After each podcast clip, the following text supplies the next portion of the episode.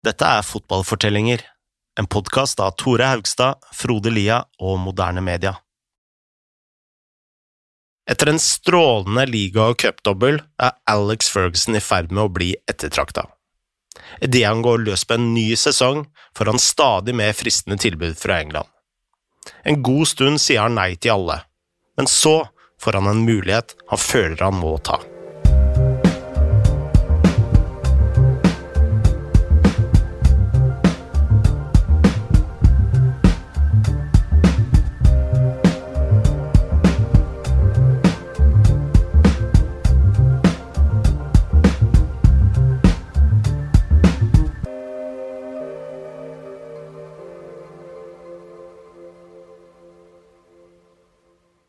Det finnes en uskreven lov i fotballen om at de mest talentfulle før eller siden stiger til toppen, og Alex Ferguson var nå åpenbart blitt for god for skotsk fotball. Før hans ankomst hadde Aberdeen tatt én ligatittel gjennom hele sin historie. Nå hadde Fergie gitt dem to titler til, en utenkelig europeisk triumf og tre skotske cuptitler på rad. Nå, i 1984, tok han sommerferie etter å ha knust Rangers og Celtic med en utsøkt dobbel. Han var nå den mest spennende og godt mulig også den beste treneren i Storbritannia. Allerede før den sommeren hadde Ferguson fått flere tilbud. I 1982 hadde han blitt kontakta av Wolves, og han tenkte på tilbudet et par dager, før han faktisk reiste ned dit for å møte styreformannen og direktørene. Men da han kom til stadion, så grøssa han over det han så. Det var ikke en eneste person på jobb på stadion akkurat den dagen, og selve banen var i elendig stand, og han følte generelt at det bare hang en slags tapermentalitet over hele stedet. Den eneste personen som var på jobb, som det heter, var faktisk dama som serverte te i kantina. I 1983 hadde Ferguson også fått sjansen av Rangers, som kanskje skjønte at den beste måten å slå Aberdeen på, var å knabbe treneren. Dette var like etter at Aberdeen hadde vunnet cupvinnercupen og slått nettopp Rangers i den skotske cupfinalen. Åpenbart likte Rangers det de så, de fortsatte å ringe Ferguson de neste fem dagene, og han var frista. Han var en Rangers-fan. Han visste at ingen fra Goen hadde trent laget før, og mange venner sa at han og Rangers var en perfekt match. To-tre netter så satt Ferguson oppe med kona for å prøve å ta en avgjørelse. Men Ferguson sa nei til slutt fordi treneren de allerede hadde, John Grieg, var en god venn, fordi han tvilte på hvor stabil klubbledelsen i Rangers var, og fordi han følte at han skyldte mye til Aberdeen og Dick Donald, som hadde støtta han 100% i løpet av den tunge starten. Dessuten hadde flere av spillerne i Aberdeen signert lange kontrakter på basis av at Ferguson kom til å være der lenge. Han kunne rett og slett ikke skuffe så mange personer på en gang. Men nå, i 1984, fikk han et enda mer fristende tilbud, og det var fra Tottenham. De var en klubb som var kjent for å spille god fotball, noe Ferguson likte, og da han snakket med styreformannen Irving Scholar, ble han imponert. De to hadde flere telefonsamtaler, og snart begynte de å diskutere lønn, lengde på kontrakten og hvor Ferguson skulle bo. Men det fantes ett problem for Ferguson, og det var at Spurs kun ville gi ham en kontrakt på to år. Han ville ha fem år, og selv om de høyna til tre, så følte han det ikke var nok. Igjen valgte Ferguson å bli i Aberdeen. Men det var klart nå at Ferguson tenkte veldig på fremtida si. Dessuten var det ikke sånn at alle spillerne hans var like lojale som han. Kun den sommeren mistet han tre veldig viktige menn i form av Gordon Strachan, Dog Rugby og Mark McGee, som gikk til henholdsvis Manchester United, Chelsea og Hamburg. Det eneste plasteret på såret var at Ferguson selv fikk kjøpe Frank McDougall, en spiss han henta fra gamleklubben. Mirren. Sesongen starta ikke bra. Allerede under oppkjøringen i Tyskland fikk han langtidsskader på Neil Cooper og Peter Weir, mens midtbanespilleren John McMaster allerede var ute for sesongen. Tar man med alle salgene, hadde Ferguson mista seks spillere. Deretter starta de sesongen med å ryke ut i andre runde av ligacupen mot knøttlille Ardry. Om ikke annet hadde de endelig sjansen til å nå langt i selveste serievinnercupen. Men der ble de sendt hjem allerede i første runde, og det var ikke mot Liverpool eller Barcelona eller Real Madrid. Aberdeen tapte mot Dynamo Berlin fra Øst-Tyskland. Og nå var ting så ille at Ferguson rett og slett begynte å lure på om han faktisk burde ha hoppa av skipet mens han kunne. Heldigvis gjorde Aberdeen det bedre i ligaen. De vant 15 av sine første 17 kamper, og McDougall var en åpenbaring. Som den tidligere storskåreren Steven Archibald så hadde han et turbulent forhold til Ferguson.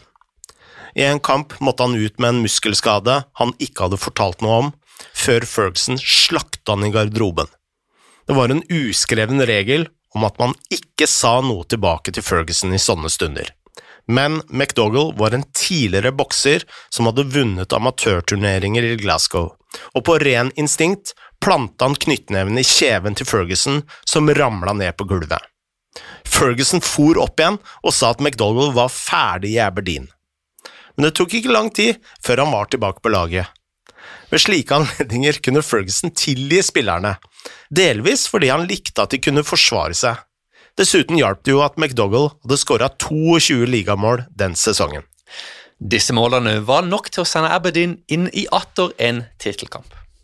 De røyk ut av semifinalen i den skotske cupen, og uten flere andre turneringer å bry seg om, så kunne de fokusere fullt på å forsvare seriemesterskap. Da de klarte 1-1 hjemme mot Celtic sent i april, så tok Aberdeen sin tredje ligatittel under Ferguson. De henta 59 poeng og skårte 89 mål på 36 kamper, og alt dette var rekord i den skotske toppdivisjonen. Til tross for den håpløse starten på sesongen, så ble resultatene så bra at Ferguson faktisk skulle rangere dette mannskapet helt der oppe med heltene fra Gøteborg. Nå ville virkelig alle ha Ferguson. Han hadde vært der i syv år nå, og for hver sesong fikk han stadig oftere høre spørsmålet Hvor lenge kommer du til å bli i Aberdeen? Det var faktisk slik at Ferguson hadde sagt ja til en jobb. I noen måneder hadde han vært assistenttrener for sitt store idol Jock Steen på det skotske landslaget i kvaliken til VM i Mexico. Men i en avgjørende kvalikkamp på Ninian Park hadde Steen kollapsa på benken.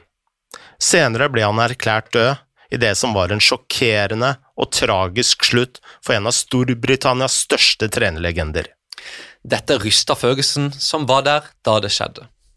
Da støvet hadde lagt seg, ble Føgesen gitt ansvaret som en midlertidig trener for å ta Skottland inn i VM i Mexico. Dette skulle ikke skje før sommeren 1986, men som en patriotisk skotte og control freak så brukte jo selvfølgelig Føgesen enormt med krefter på å forberede laget til turneringa. Dette var dømt til å påvirke fokuset han hadde på Aberdeen gjennom den 85-86-sesongen, og det forklarer kanskje delvis hvorfor Aberdeen endte sesongen på fjerdeplass. Innen dette hadde flere ting begynt å irritere Ferguson i Aberdeen. Han følte at folk tok lagets suksess for gitt, og at Aberdeens bragder var blitt normalisert. Han fikk også en følelse av at klubben nå var så veldrevet at han manglet en utfordring. Da han hadde slått Tibbs 3-0 i den skotske cupfinalen, fortalte han Dick Donald at han vurderte å ta en ny utfordring. Donald svarte at det kun fantes to jobber som gjorde det forsvarlig å forlate Aberdeen. Den ene var Barcelona, den andre var Manchester United. Selv om Aberdeen kun kom på fjerdeplass, så vant de både cupen og ligacupen det året. Og så tok Ferguson sitt kjære Skottland til Mexico, hvor de havna i gruppe med Danmark, Vest-Tyskland og Uruguay. Dessverre for Ferguson havna Skottland aller sist i gruppa, men turneringa var et skikkelig eventyr, og flere av Aberdeens spillere hadde vært med på moroa. Da denne samme gjengen kom tilbake fra Mexico og hjem til Skottland og skulle begynne å spille ligacupkamper mot lag i skotske småbyer, så fikk motivasjonen seg en skikkelig knekk. I tillegg slet McDougall med en ryggskade i begynnelsen av sesongen. Innen starten av oktober hadde Aberdeen røket ut av både ligacupen og cupvinnercupen. Overmakten i Europa hadde vært sveitsiske Sion det samme laget de hadde slått 11-1 sammenlagt fire år tidligere. For Aberdeen virket det som luften var på vei ut av ballongen. Samtidig var rivalene i ferd med å bli enda sterkere. Det siste tiåret hadde Celtic vært Aberdeens største rival, Men på sommeren det året, i 1986, hadde Rangers sjokkert alle ved å ansette Gram Sunes som spillende trener. Sunes hadde fått en gedigen pengesekk i hånda og frihet til å hente omtrent hvem han ville, og siden han hadde denne enorme statusen fra sin karriere som spiller, så kunne Rangers nå kjøpe skikkelige stjerner. I september slo de Aberdeen 2-0 på Ibrox. Rangers hadde virka pigge, mens Aberdeen ble beskrevet som en bokser som hadde vært i litt for mange fighter. Ferguson må ha merka det samme. Vi spurte Michael Grant om når han tror at Ferguson bestemte seg for å forlate Aberdeen. there were certainly rumours that he had um, begun to think about uh, Manchester United uh, several months before he went. I mean, I was looking back. There were times that he he had opportunities to go. Sheffield United, Wolves, Rangers came in for him quite heavily. Arsenal came in for him. Tottenham. He came quite close to going to Tottenham in 1984, uh, and there was some foreign interest. Barcelona and, and Inter Milan were kind of rumoured to be thinking about him too. Um, Aberdeen played Gothenburg in the European Cup uh, quarter-finals in '86, and they lost to Gothenburg. But Ferguson came out and made comments about the Batodri leg not being a full house, and, and I think he, he found that frustrating and talked about well, you know, how how how much further can I can I take the club? Now I, I can't recall if he said that publicly or, or, or within the club, but there was a feeling that he had maybe taken the club as far as he could and, and needed needed a bigger stage. Now, Ferguson, of course, went to the 1986 World Cup that summer as the interim Scotland manager, and he, I think he was seen speaking to Bobby Charlton uh, during that tournament, and, and you know people were beginning to put two and two together and wondering if there were channels between him and uh, and Old Trafford even, even that earlier. But yeah, I mean, I think I think Ferguson had probably realised that he had outgrown Aberdeen in terms of his potential, and, and it, you know he needed he needed a fresh challenge, and the, the time w- was right. If the if the offer was going to come in from the right club, I think by about 85, 86, there was a different mood and different kind of feeling around Ferguson Aberdeen, and, and, and maybe a sense that um, that uh, it was time for him to move on. I mean, remember he'd been there for for eight and a half years by the time he left, which is you know an incredible period given the given the amount of success he had to still be at Aberdeen three and a half years after beating Real Madrid and Gothenburg was was extraordinary, really. Snart kom nyheten om at Manchester United hadde sparka Ron Atkinson. Den 5. november fikk Ferguson telefon fra styreformann Martin Edwards, og dagen etter ble han annonsert som ny trener for United. Få i Aberdeen var overraska. Spillerne hadde lenge mistenkt at han kom til å dra til Old Trafford så sant jobben ble ledig. Det var heller bare rart egentlig at han ikke hadde havna der før nå. Allerede da Scottsport hadde filma en dokumentar om Aberdeen året før, så hadde noen av spillerne snakka som om de visste at Ferguson var på vei bort. En av de som ble intervjuet, var bautaen Willy Miller, som hadde vært med helt fra starten av. Da Miller skulle prate om Fergusons kvaliteter, sa han følgende til reporteren. Han kan håndtere spillerne, han er god til å prate for seg, han er sterk taktisk, og han er flink med pressen. Hva enn han gjør videre, og uansett hva den neste klubben hans blir, så er jeg sikker på at han vil gjøre en veldig god jobb.